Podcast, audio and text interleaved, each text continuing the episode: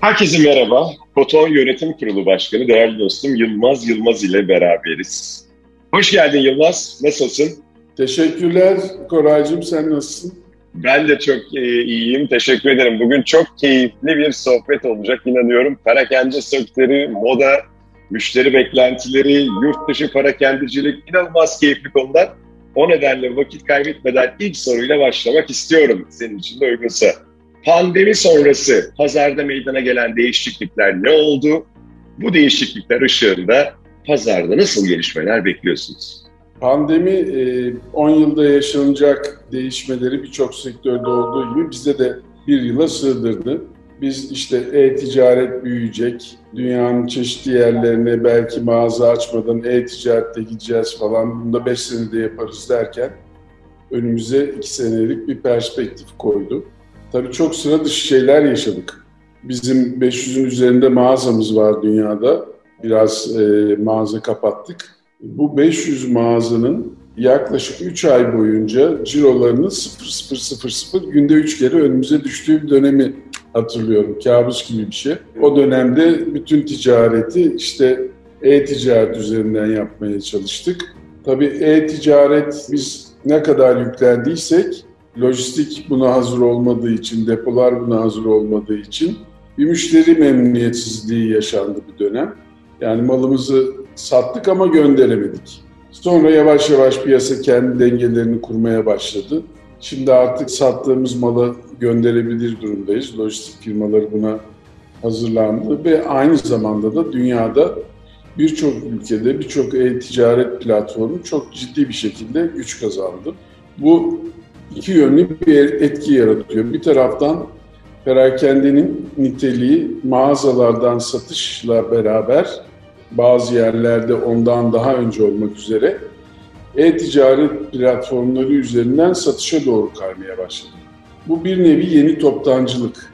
Yani perakendeci e, kendi mağazalarında mal satmanın yanında işte Endonezya'daki, Malezya'daki falanca platformla Türkiye'dekilere benzer e-ticaret e, satış siteleriyle işbirliği yapmaya başladı. Bu işbirliği bir taraftan Türkiye'den malı göndermek ve orada yani stoğu Türkiye'de tutup satışı orada yapmak gibi olabiliyor. Bazen de işte biz bunu mesela Dubai ve o bölgede Körfez bölgesinde deniyoruz.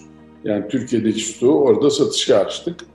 Bazen de stoğu yolluyorsunuz. Şimdi İspanya, Fransa gibi yerlerde stoğu orada tutup bu e-ticaret platformları üzerinden bir yeni ticaret anlayışına doğru geçiyoruz. Dolayısıyla geçmişimizde deneyimlemediğimiz birçok ticaret türünü deneyimliyoruz.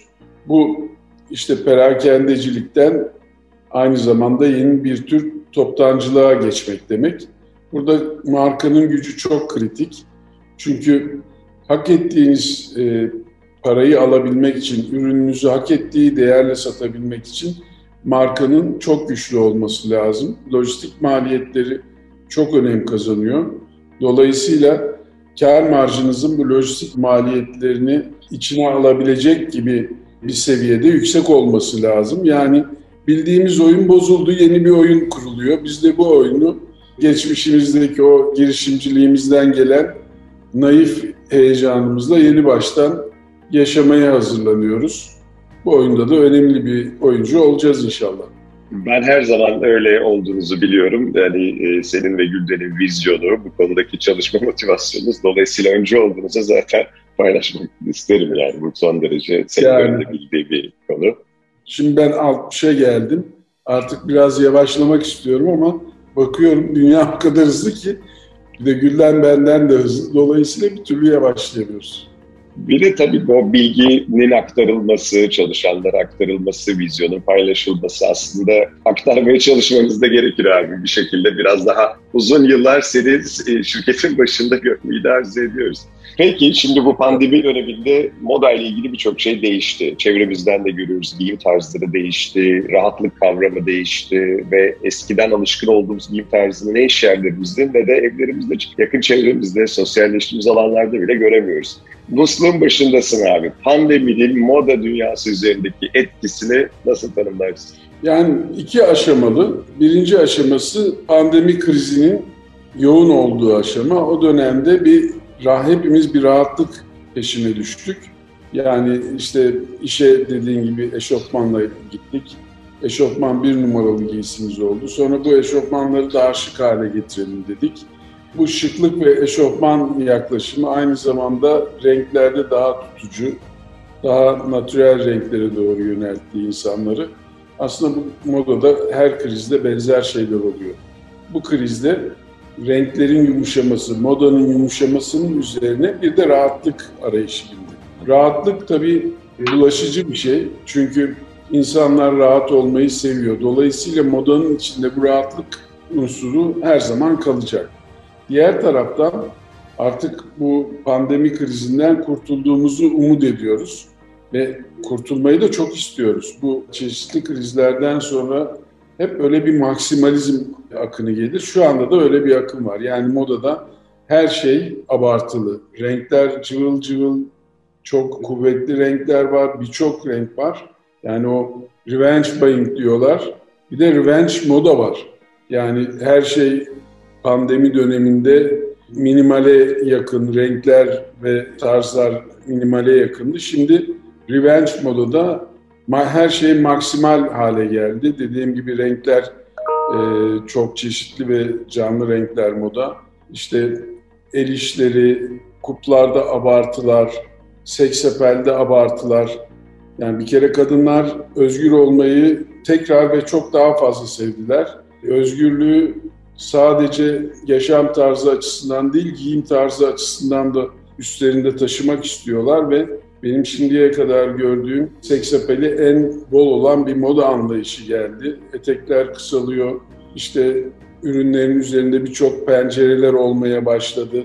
Yani kadın kendini ortaya çıkarmak, ifade etmek, ben buradayım ve hayatımı yaşamak istiyorum demek istiyor.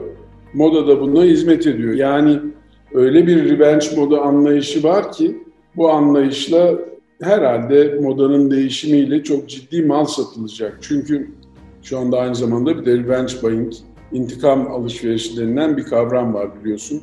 O evet, da, evet. Onu da çok ciddi bir şekilde yaşıyoruz. Bu intikam alışverişi bir kavram olarak tabii söylendiğinde tam yerine oturmuyor. Onun altına da inmek lazım. İşte pandemi nedeniyle bir kere moda çok değişti. İnsanların gardırobundaki ürünler artık demode oldu. İnsanların kalıpları değişti. Bir, bazı insanlar kilo aldı, bazıları kilo verdi. Çocuklar büyüdü. Sonra beyaz yakalıların özellikle ceplerinde biriktirdikleri bir para oldu. Yani biz pandeminin hep olumsuz taraflarından bakıyoruz ama işine gitmeyen, dışarıda yemek yemeyen, alışveriş etmeyen insanların harcamadıkları bir para var. Bu para da alışverişe akıyor. Şimdi bunların etkisiyle bir taraftan moda maksimal, bir taraftan satış maksimal. Yani e, hayatımızın en enteresan günlerini yaşıyoruz. Ben hiç böyle bir satış patlaması görmedim. Şimdi Türkiye'nin ekonomisi hakkında olumlu olumsuz birçok şey söyleniyor. Ben içeriden gördüğümü söylüyorum. Eylül ayında 2019 Eylül'e göre %100'ün üzerinde bir satış artışı gördük. Bu normal değil. Tabii kalıcı da değil. Yani insanlar bu kışlık ihtiyaçlarını bu sene tamamladıktan sonra önümüzdeki sene muhtemelen normalize olacak. Ama yaz tarafında özellikle bir sezon daha biz bunun etkisini göreceğiz. Ve sanıyorum ki sadece modayla değil, aynı zamanda hayatımızla ilgili de birçok değişimi yaşayacağız. Ben şimdi bir an önce işte bütün ülkeler açılsın, bir an önce eskisi gibi seyahat edeyim. Hatta daha fazla seyahat edeyim istiyorum. Çünkü yaşayamadığımız, gönlümüzce doya doya yaşayamadığımız her gün bizde daha fazla yaşama isteği yaratıyor. Doya doya giyinemediğimiz her günde daha fazla giyinme, daha fazla kendimizi gösterme isteği yaratıyor. İşte dünyanın sürdürülebilirliğini sağlama almakla beraber aynı zamanda da güzel ve keyifli yaşama isteği herhalde önümüzdeki dönemde daha da artacak. Koray Bilici ile en heyecan verici marka hikayeleri Akbank'ın destekleriyle devam ediyor. Evet orası kesinlikle çok belli. Bir de son dönemlerde duyduğum başka bir kavram var. Retail terapi diyorlar. Böyle bir yere Doğru. gidince, bir yere gidince hani kendinizi daha iyi hissetmek, bir terapi gibi bir mağazaya gidiyorsunuz. Gittik güzel bir koton mağazasına. Çocuğumuz için bir şeyler alıyoruz, eşimiz için bir şeyler beğeniyoruz. Aynı zamanda da bu bir terapi gibi. Yani ona bakma, onu beğenme. Aynen. Çok çok güzel bir e, Hatta deneyimdi. Bir ekleme yapayım buna. Bu nedenle insanlar daha rahat alışverişe döndüğü anda e-ticaretin o eski performansı da bayağı bir zarar gördü. Yani insanlar alışverişi ve retail terapiyi özlemiş. Mağazalardaki alışveriş çok arttı. E-ticaretteki alışveriş de bir miktar düştü. Tabii bu uzun dönemli trendi ne kadar etkiler bilmiyorum ama en azından önümüzdeki bir sene mağazaların önü daha açık. Peki müşteri beklentilerinde nasıl değişiklikler gözlemliyorsunuz? Bu nasıl bir süreç? Yani tabii müşteri bir taraftan az önce söylediğim gibi yeni bir modayı istiyor. Kendini daha güzel ifade edeceği, kendini daha görünür şekilde e, ortaya çıkaracak bir moda anlayışından, beklentisinden bahsedebilirim. Diğer taraftan hepimiz için yani bir kere bir pandemide şunu hissettik. En temel hakkımız olan yaşama hakkımız bir nevi elimizden alınmış gibi oldu. Yani bugün yaşayacak mıyım? Yarın işte korona olup yaşamım riske girecek mi? Bu korkuyu çok uzun bir süre taşıdık ve halen taşıyoruz. Dolayısıyla yaşam hakkının ne kadar önemli bir hak olduğunu ve yaşam hakkının sadece bizim yaşamamızla ilgili değil aslında dünyanın yaşamasıyla ilgili olduğunu çok net bir şekilde anladık. Çünkü dünya yaşarsa biz ancak yaşayabiliriz. Dünya yaşayacak, sonra biz onun içinde sağlıklı ve güzel bir hayat kuracağız. Dünyanın yaşaması, dünyanın sürdürülebilirliği tabii müşterilerdeki en önemli beklenti değişikliği oldu. Eskiden de bu konular gündemdeydi ama artık hepimiz için yani ben de bir sıradan bir insanım sonuç olarak dediğim gibi yaşam hakkımın tehdit altında olduğunu gördüm. O zaman yaşam hakkımı korumak için bir, sağlığıma dikkat edeyim. iki dünyanın sürdürülebilirliğini sağlama alayım istiyorum. Tüketicilerin beklentileri de bu yönde e, çok ciddi bir değişikliğe uğradı ve artık alışveriş ettikleri markalardan basitçe sürdürülebilir bir dünya için ne yaptığını görmek istiyorlar. Yani markam niye var? Sadece ürün satmak, para kazanmak için mi var? Yoksa sürdürülebilir bir dünya konusunda benim sevdiğim, alışveriş ettiğim marka ne yapıyor? Görmek istiyorlar. Biz de bu konuyla ilgili olarak Koton'da yaşama saygı platformu kurduk ve bu yaşama saygı platformunun altında dört ana ayak var. Doğaya saygı, çalışana saygı, işimize saygı, topluma saygı. Bu ayakların hepsini doldurmaya çalışıyoruz. Bu anlamda ciddi şeyler yaptık. Mesela Better Cotton İnisiyatif diye bir inisiyatif var dünyada. Daha iyi şartlarda daha az kullanarak, daha az gübre ve daha az kimyasal ilaç kullanarak pamuk üretimini arttırmayı, sadece sürdürmeyi değil arttırmayı hedefleyen bir uluslararası inisiyatif. Buna Türkiye'de ilk defa biz üye olduk. Bu sene ürünlerimizin %10'u Better katından geliyor. 5 sene içinde bu oranı %60'a çıkaracağız. Ve 5 sene sonra bu yolla dünyaya ne katkımız olacak onu bir okumak istiyorum. Şimdi bunu ezbere çok, söylemem. Çok değerli, çok değerli bilgiler, evet. çok değerli bilgiler. 5 yılın sonunda yaklaşık 8 milyon metreküp su tasarrufu elde edeceğiz. Bu da yaklaşık 25 bin hanenin ortalama bir yıllık su tüketimine denk gelecek. Yaklaşık 5 ton daha az kimyasal ilaç kullanılacak. Yaklaşık 750 ton daha az kimyasal gübreye ihtiyaç olacak. Verimlilik artışıyla 1100 ton daha fazla pamuk elde edilecek ya da bir başka deyimle 4 milyon tişörtlük pamuk sadece verimlilik açısından sağlanacak. Yani bu ve BCI'ye ilk üye olan marka olmak benim için gurur verici bir şey Koton açısından. Bununla beraber sürdürülebilir ürünlerimizdeki karbon ayak izini azaltma anlamında yaklaşık önümüzdeki 2022 yılında ürünlerimizin %25'ini sürdürülebilir elyaflarla veya sürdürülebilir e, proseslerle üreteceğiz. Bu ne demek? işte geri dönüştürülmüş elyaftan ürün yapacağız. Giyini yıkarken yıkadığımız suyu %90 oranında azaltacağız. Organik pamuktan ürünler yapacağız ve böylelikle hem dünyaya yarattığımız karbonu ayak izini azaltıp hem de insanların sağlığı açısından daha e, olumlu teknolojilere yöneleceğiz. Bu %25 hacim olarak gözünde canlansın diye söyleyeyim Koraycığım. Önümüzdeki sene 1,5 milyar liralık böyle ürün satacağız. Ve bunu yıllar içinde %50'nin üzerine çıkarmayı hedefliyoruz. Bu bizim açımızdan e, dünyaya duyduğumuz sorumluluğun bir gereği. Aynı zamanda da biliyorsun 2030'a kadar Avrupa Birliği e, karbon ayak izi e, konusunda yeni kısıtlamalar getirecek ve vergiler getirecek.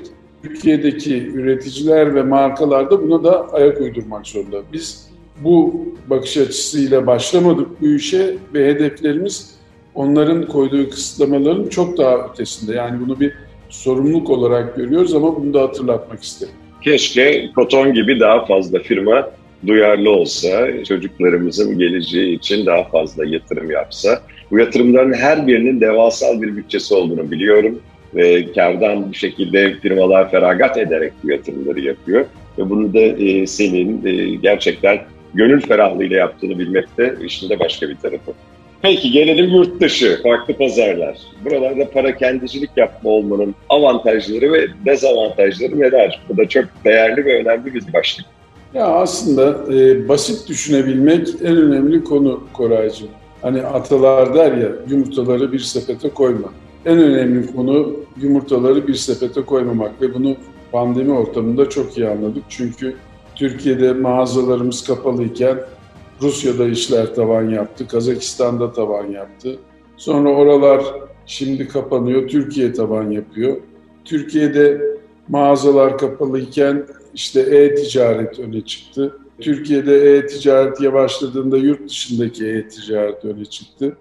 Uzun lafın kısası riskleri bölmek çok önemli. Tabii biz şimdi 10 bin kişiye istihdam yaratan bir firmayız ve hem giderlerimiz hem de büyük bir nakit akışımız var. Bu giderleri ve nakit akışını sağlıklı yönetebilmek için riskleri dengeleyen şeyler yapmak lazım. Şimdi zaman zaman geleceği son derece kesin bir şekilde modellediğimizi düşünüyoruz. Yani bugünden bakıyoruz ve 3 sene sonrasını %100 tahmin ediyoruz. Kendimize hedefler koyuyoruz. Yok böyle bir şey. Yani geleceği %100 modelleyebilsek hepimiz zengin olurduk.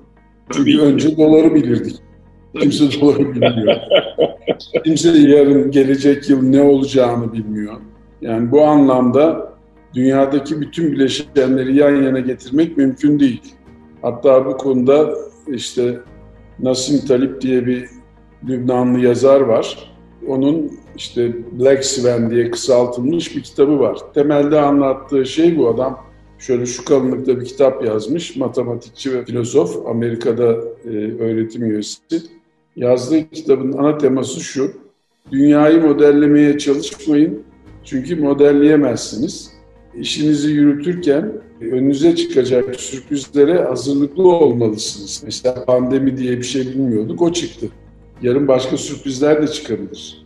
Hani felaket tellallığı yapmak istemiyorum. Bu sadece işleri kötü yönde etkilemez önümüze çıkacak sürprizler. Bazen de olumlu yönde etkiliyor. İşte ne bileyim bir cep telefonu çıkıyor. İnsanlar birdenbire birbirleriyle görüntülü konuşmaya başlıyorlar. Yakında işte gözlüklerimize gelecek her şey. Gözlüğümüzle geleceği göreceğiz. İşte maillerimizi göreceğiz falan. Yani bunlar bizim öngörebildiklerimiz. Öngöremediğimiz bir takım şeyler olacak. Bugün arabayla gelirken bir haber dinledim, sabah haberi. Çin'de ve İsveç'te uçan arabalar işte İsveç'te bu sene satılmaya başlayacakmış. Çin'de 2024'ten itibaren. Şimdi uçan arabayla gideceğiz. Trafiği nasıl düzenleyeceğiz? Yani tuhaf tuhaf şeyler oluyor. O yüzden çok akıllı olduğumuzu zannedip geleceği yüzde yüz modelleyebiliriz ve öngörebiliriz yanılsamasından hemen çıkmamız lazım. Bütün iş insanlarının çıkması lazım. Ve gelecekte sağlıklı şirketler idare etmek istiyorsak öngörülemeyecek koşullara hazır bir işletme yapısını ortaya koymak lazım. Bu anlamda da pazarı çeşitlendirmek, yurt dışında iş yapmak bunlar çok önemli. Yumurtaları aynı sepete koymayalım lütfen. Yılmaz abi çok keyifli bir sohbet oldu. Katıldığın için çok teşekkür ederim. Çok faydalı bilgiler. Gerçekten yolunuz açık olsun, başarılarınız hep daim olsun diyorum. Çok teşekkürler.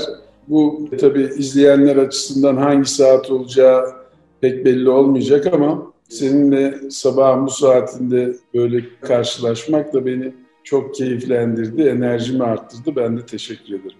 Görüşmek üzere, hoşçakalın. Görüşürüz, görüşürüz Koray.